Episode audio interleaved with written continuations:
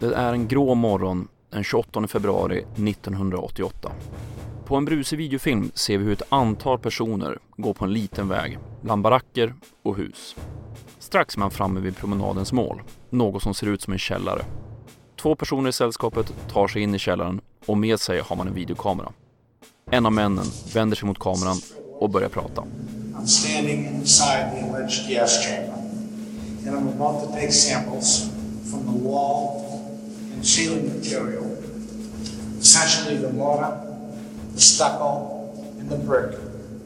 And these samples will be documented and later taken for analyzation to determine if there's any residual cyanide in the mortar and brick material. Mannen vi hör, ja, det är Fred Leuchter. En självutnämnd avrättningsingenjör. Och han har ett syfte med sitt besök. För platsen han befinner sig på är det koncentrationsläger som kallas för Auschwitz-Birkenau. Och källan han befinner sig i är en av de gaskammare där tiotusentals människor gasades ihjäl under andra världskriget. Syftet med besöket är enkelt. Att bevisa att gasandet av alla dess offer aldrig skedde. Det ska Leuchter med sällskap göra genom att samla in material från gaskamrarna. Och förhoppningen är från deras sida att man inte ska hitta något som helst spår av den gas som användes för att döda alla dessa människor. Det material som man får med sig från Auschwitz kommer att ligga till grunden för en rapport som påstods bevisa vetenskapligt att någon avrättning med gas aldrig hade ägt rum. Det här är bara ett av alla försök som gjorts för att så tvivel kring det faktum att den nazistiska statsapparaten mördade miljoner människor under andra världskriget. Judar, romer, slaver, politiskt oliktänkande och religiösa. Det här tvivlet, eller förnekelsen, det är vad vi ska titta på idag. Vad är man påstår om förintelsen och varför inget av det man påstår har någon som helst grundning i verkligheten. Ja, jag heter C. Åkerberg och ni ska vara välkomna till ett mörkare än vanligt avsnitt av Kvalificerat Hemligt. Den här gången den andra delen om Förintelsen och Förintelseförnekelse.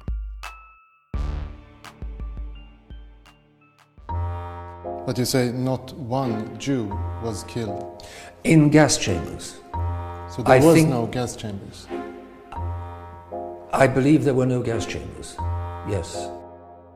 Adolf Hitler, I still maintain, knew, knew virtually nothing of what was happening to the Western European Jews. If this event happened, and if it is a historical event, then we should allow everyone to research it and study it. Not to love the He's the greatest so be heil! Heil! Right in the face! I den första delen om Förintelsen gick jag igenom de faktorer och händelser från 1933 och framåt som ledde fram till folkmordet på judar, romer och funktionshindrade under andra världskriget. Och eh, om ni inte lyssnar på det avsnittet rekommenderar jag er att göra det för att få en förståelse för skenorna och de referenser som förekommer i det här programmet. Hur kan man veta att något i historien har hänt? Ja, den här bedrägligt enkla frågan är kanske en av de mer centrala aspekterna av förintelseförnekelse. För när allt fler personer som var med under den här tiden har dött och arkeologiska lämningar vittrar sönder krävs det andra former och markörer för att säkra ett historiskt skeende. För när vi tittar övergripande så är det precis den här tesen som förnekelsen angriper. Det finns inte bevis att det har skett, så alltså är Hitler och hans nazistiska hantlangare oskyldiga. Så hur vet vi? Hur kan vi sätta ner foten och säga att det här, det är ett historiskt faktum? Jag tycker personligen att boken Denying History av Shermer och Groban ställer upp det så pass vettigt och begripligt att jag lyfter upp listan rakt av. Så, hur kan vi veta att Förintelsen har ägt rum historiskt? Jo, första faktumet är dokumentationen som lämnats kvar. Ritningar, promemorior, tal, beställningar, bekännelser, brev och dagböcker. Den andra punkten är alla ögonvittnen.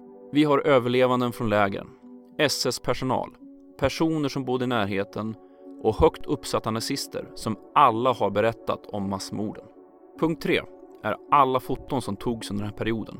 Officiella press och militärfoton, foton tagna i hemlighet av de som befann sig i lägren Det finns till exempel flygfoton från de överflygningar som gjordes över lägren under kriget. Det finns dessutom filmer från båda sidor i kriget som dokumenterar det som skedde. För det fjärde finns ett antal av lägren kvar i olika stadier av bevaranden och rekonstruktion. Och slutligen, demografiska beräkningar som gjorts på situationen innan andra världskriget visar att 6 miljoner judar saknas. Om de inte dödades är frågan var de tog vägen. Som med all konspirationstro har förintelseförnekelse ett nästintill oändligt detaljdjup. Det är som den mytologiska hydran med flera huvuden som växer tillbaka för varje gång de skärs av. För varje motbevis förnekaren möts av dyker ett nytt upp, än djupare ner i detaljnivån. Men för att försöka få någon form av översikt kan man grovt dela in förnekandet i tre grupper. Den första gruppen består av argument som gör gällande att Nazityskland och dess ledarskap varken beordrade eller såg till att folkmordet genomfördes. Nästa grupp av förnekelse hävdar på olika sätt att nazisterna aldrig använde gaskamrar vid mördandet av judar, romer och andra grupper. Och slutligen, den sista gruppen med argument påstår att siffran på hur många judar som dödas är massivt överdriven. Vi börjar med den kanske enklaste och samtidigt svåraste gruppen. Argumentet att Hitler, SS-chefen Himmler och andra ledande nazister inte beordrade folkmordet, eller i Hitlers fall var ovetande om vad som skedde. För det som förnekarna kräver är inget mindre än en påskriven order som i ord gör klart att judarna ska utrotas och orden ska vara underskriven av Adolf Hitler. För det första, alla i det nazistiska ledarskapet visste fullt klart att det man gjorde var ett brott mot mänskligheten. Det var därför man var noga med språket i sina protokoll. Evakuering, inte likvidering. Man brände sina arkiv och man grävde upp massgravarna runt förintelselägren och koncentrationslägren för att bränna kropparna och dölja det som blev kvar.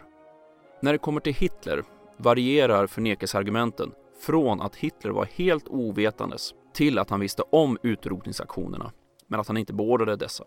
Det är sant att man inte har någon påskriven order av Hitler som säger utrota judarna. Men det i sig är inget bevis, då det till exempel inte finns någon nedskriven order från Hitler att påbörja andra världskriget. Däremot har man tillräckligt med citat från Hitler och nedskrivna kommentarer från de närmsta männen runt honom för att visa på att Hitler både beordrade utrotningen och visste vad som skedde under tiden. Några exempel. I en intervju från 1922 citeras Hitler med följande uttalande. När jag väl fått makten kommer min främsta uppgift vara förintelsen av judarna. Så snart jag har makten att göra det kommer jag bygga rader av galgar vid Marienplatz i München till exempel. Så många som trafiken tillåter. Andra städer kommer göra precis samma sak. På samma sätt tills Tyskland är helt fritt från judarna. I ett tal till riksdagen 13 januari 1939 säger Hitler till de närvarande att Ich will heute wieder ein Prophet sein. Wenn es dem internationalen Finanzjudendom Om den internationella finansjudendomen inom och utom Europa skulle lyckas att än en gång störta folken i ett världskrig så blir resultatet inte en bolsjevisering av världen och därmed judendomens seger, utan ett förintande av den judiska rasen i Europa. Och i en dagboksanteckning från propagandaminister Goebbels från 18 februari 1942 står att läsa. Fyren uttryckte återigen sin hänsynslösa beslutsamhet att rensa ut alla judar ur Europa. Historiker är förhållandevis överens om att man aldrig kommer hitta en påskriven order från Hitler för att påbörja förintelsen.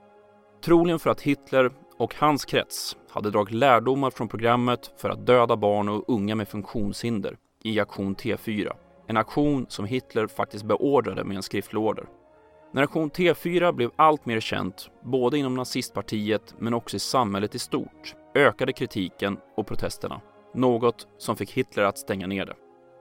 Däremot finns det nedtecknat från andra källor hur Hitler är involverad, inte bara i informationen, utan också beslutsprocessen kring deportering och utrotning. I ett brev från Heinrich Himmler till en partifunktionär ansvarig för området där gettot i Łódź återfinns skriver han Fyren önskar att allt Reich och protektoratet ska rensas och befrias från judar, från väst till öst, så snart som möjligt. På samma sätt som att andra världskriget inte startades genom en, order kan man anta att förintelsen inte påbörjades av en skriftlåder utan utfördes i en kultur av samförstånd och muntlig order. Som Albert Speer, riksarkitekten och rustningsministern anmärkte i en intervju med journalisten Gitta Serni.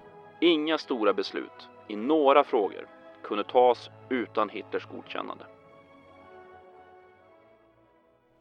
1943 samlas en grupp SS-män och partifolk inom nazistpartiet för en konferens i polska Poznan där krigssituationen på de olika fronterna, såväl ute i Europa som inrikes, ska diskuteras. SS-ledaren Himmler hade för vana att spela in sina möten för att senare få dem transkriberade. Något som visade sig vara turligt. För det innebär att vi inte bara har nedtecknat vad han sa, vi kan också höra Himmler prata öppet och ärligt i förintelsefrågan. Ich meine die Judenevakuierung, die Ausrottung des jüdischen Volkes. Es gehört zu den Dingen, die man leicht ausspricht.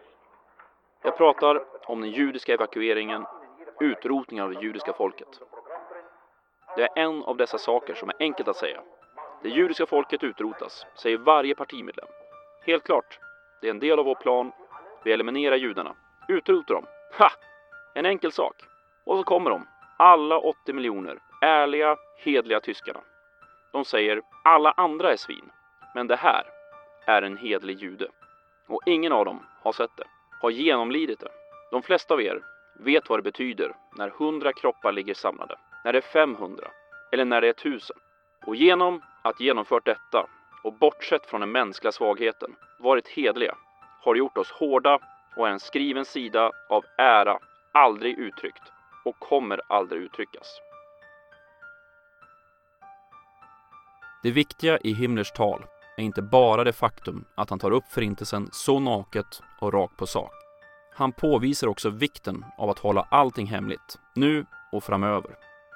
Och att man använder sig av ordet evakuering som synonymt med utrotandet av judarna i Europa. Om ni kommer ihåg från förra programmet när jag pratade om konferensen i Wannsee så var man noga med att använda just den här termen, evakuering, i protokollet när man tog det formella beslutet för att påbörja förintelsen. Genom dagboksanteckningar och skriftliga protokoll vet vi även att andra högt uppsatta nazister var medvetna och inblandade i vad som skedde. Statsapparaten visste vad den höll på med och höll det hemligt, helt enkelt.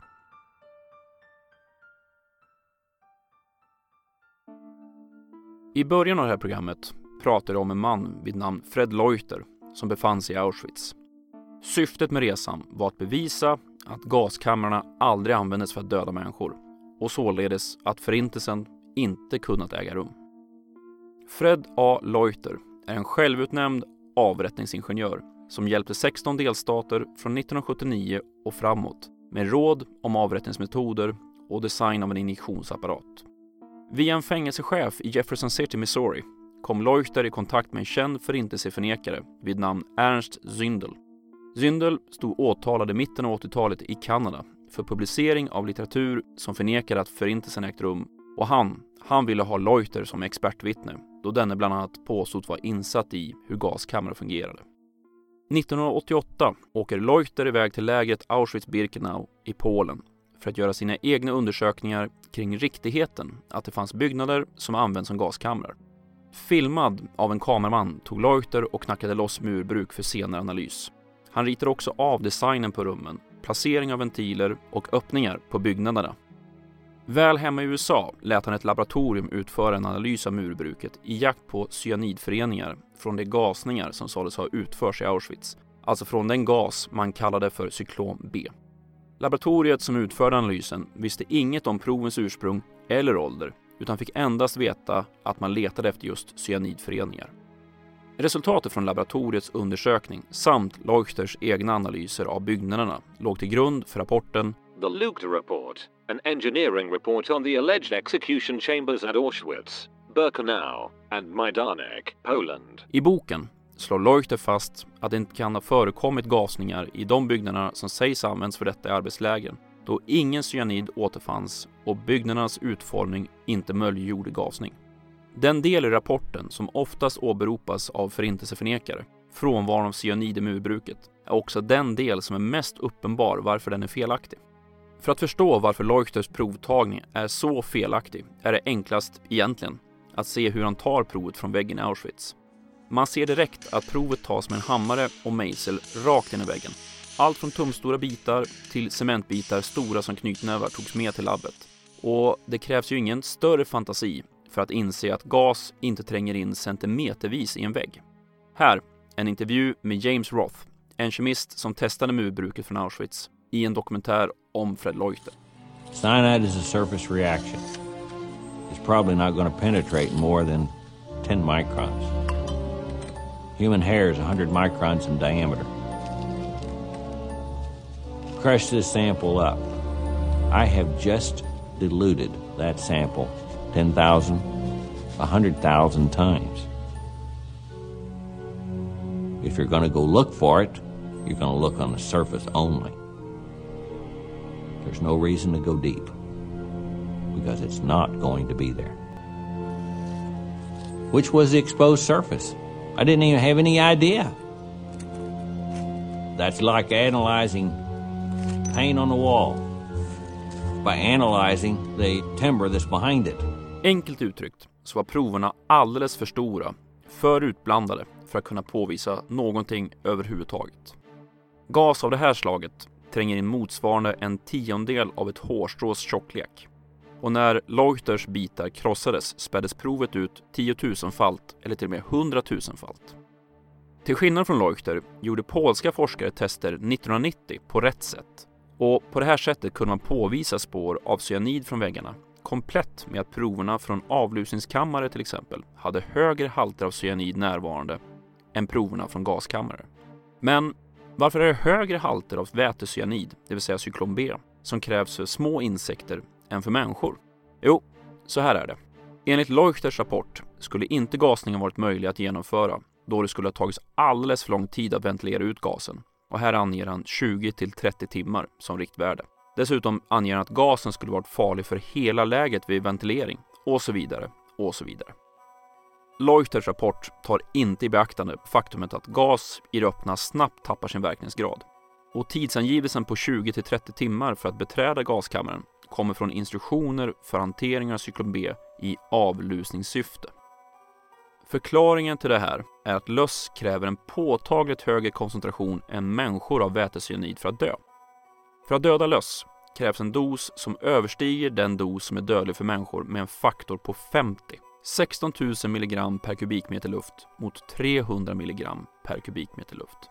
Förutom det här så använder man dessutom forcerad ventilation i Auschwitz gaskammare, vilket ledde till att det gick snabbare att vädra ut den döda gasen ur gaskamrarna, vilket i sin tur ledde till att Sonderkommando kunde ta sig in och lyfta ur kropparna.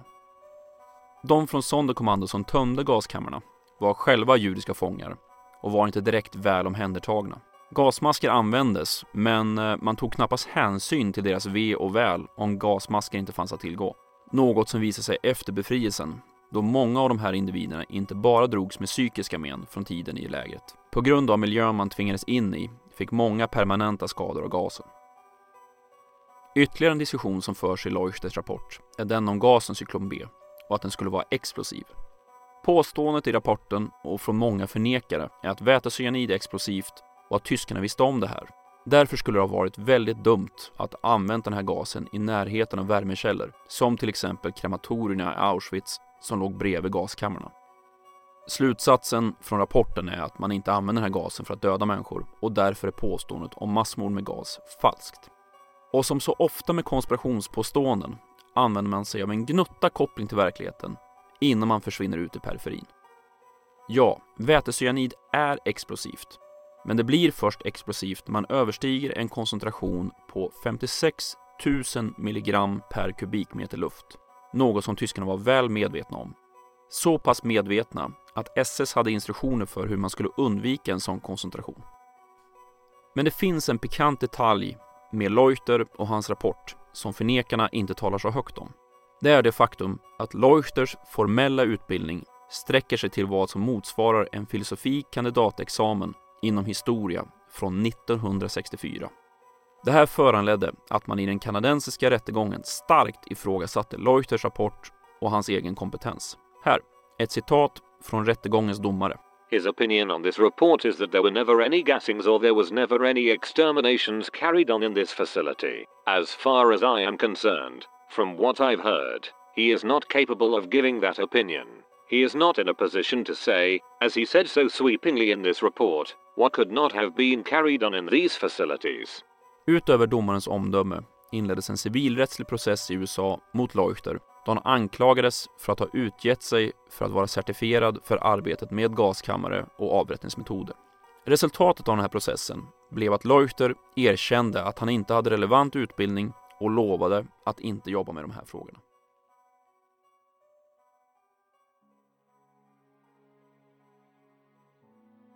Det tredje stora argumentet för förintelseförnekare är antalet som mördades under förintelsen.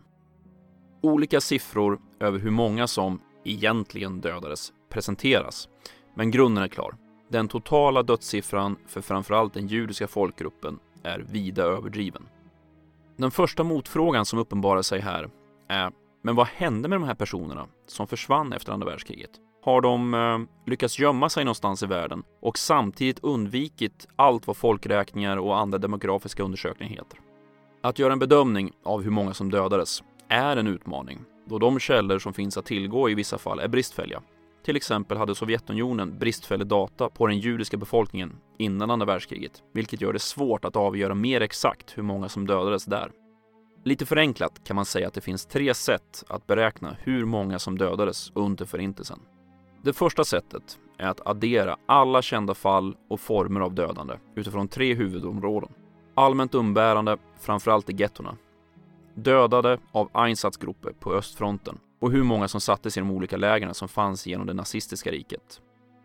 Det andra sättet är att subtrahera utifrån kända demografiska fakta om områdena och den judiska folkgruppen från innan kriget.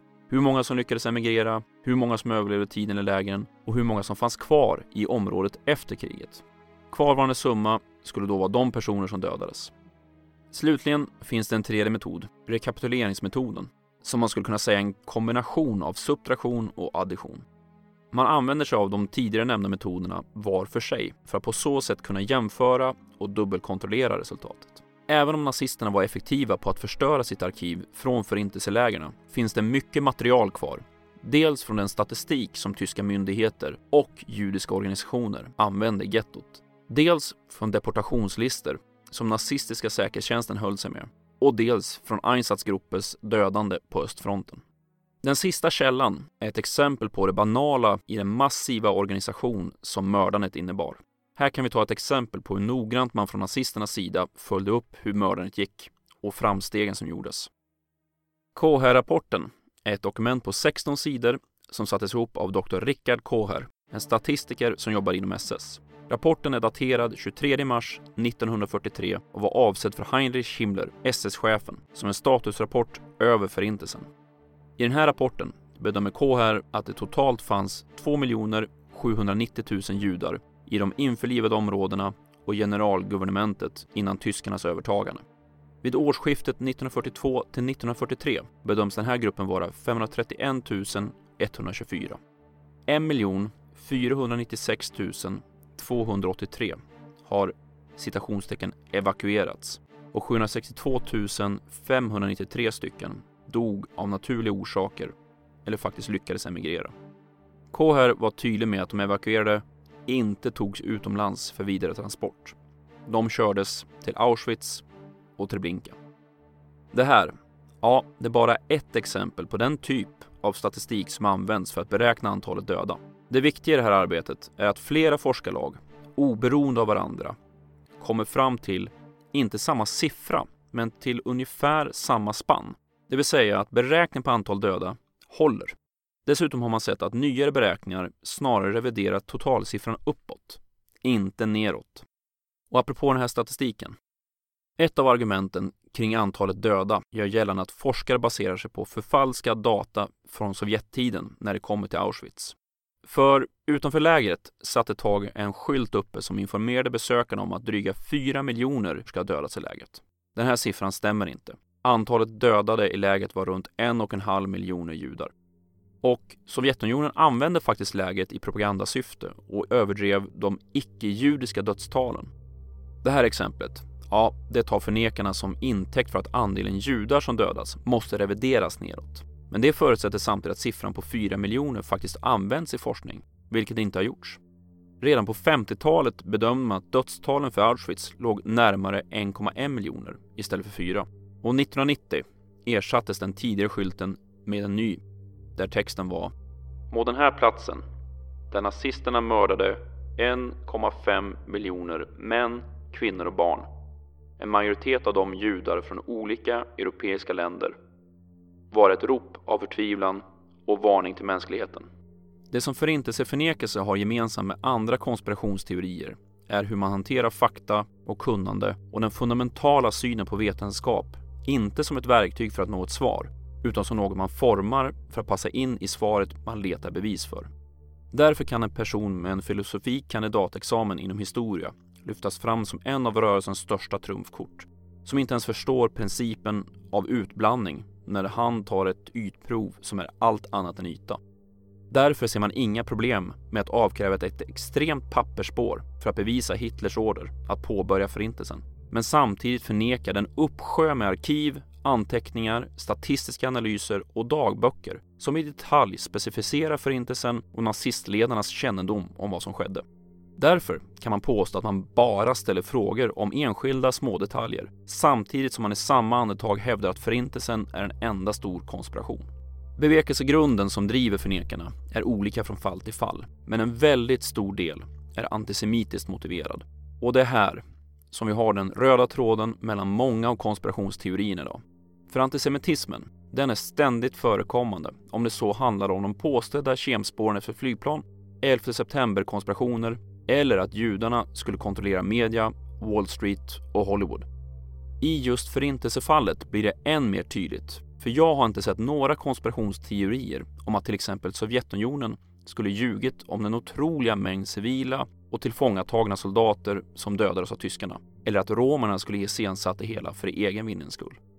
För med varje konspirationsteori som tas upp är det skrämmande ofta som fingrarna pekar mot judar som grupp eller i andra omskrivningar som sionisterna, bankfamiljer eller enskilda familjenamn. Och det är därför man inte kan låta förnekarna komma undan med den här typen av konspirationsteorier. För det här, det är en ytterst farlig väg att gå. När man relativiserar både upplevelser och faktiska historiska händelser. En insikt som nu tycks vara allt svårare för samhället att konfronteras med. Ett problem att ägna sig åt att behöva motbevisa förintelseförnekelse är själva omfattningen på både det historiska faktumet men också bredden och djupet på konspirationsteorierna. Men är det något som du som lyssnar ska ta fasta på från det här programmet så är det vad jag nämnde i början. Den massiva och varierande mängd bevisning som finns kring det här historiska skeendet som kom att kallas för Förintelsen. Ögonvittnen, arkiven och pappersspåren, fotografierna, lägren som finns kvar och de statistiska beräkningar som gjorts på data från innan och efter kriget. I det här programmet har jag försökt att täcka de vanligaste påståendena som figurerar kring Förintelsen men det finns naturligtvis en uppsjö med mer eller mindre detaljerade påståenden där ute som inte låter sig adresseras via ett enkelt poddprogram. Vill du läsa om vad som skedde och lära dig om hur du kan argumentera mot den här typen av konspirationsteorier? Ja, besök khpodden.se så lägger jag upp länkar för er att läsa vidare på. Och precis som i förra avsnittet väljer jag att ta ett annat avslut än vanligt. Och återigen är det Stefan Benneking som står för musiken från Holocaust Remembrance Suite, Device Rose Tack för att ni har lyssnat.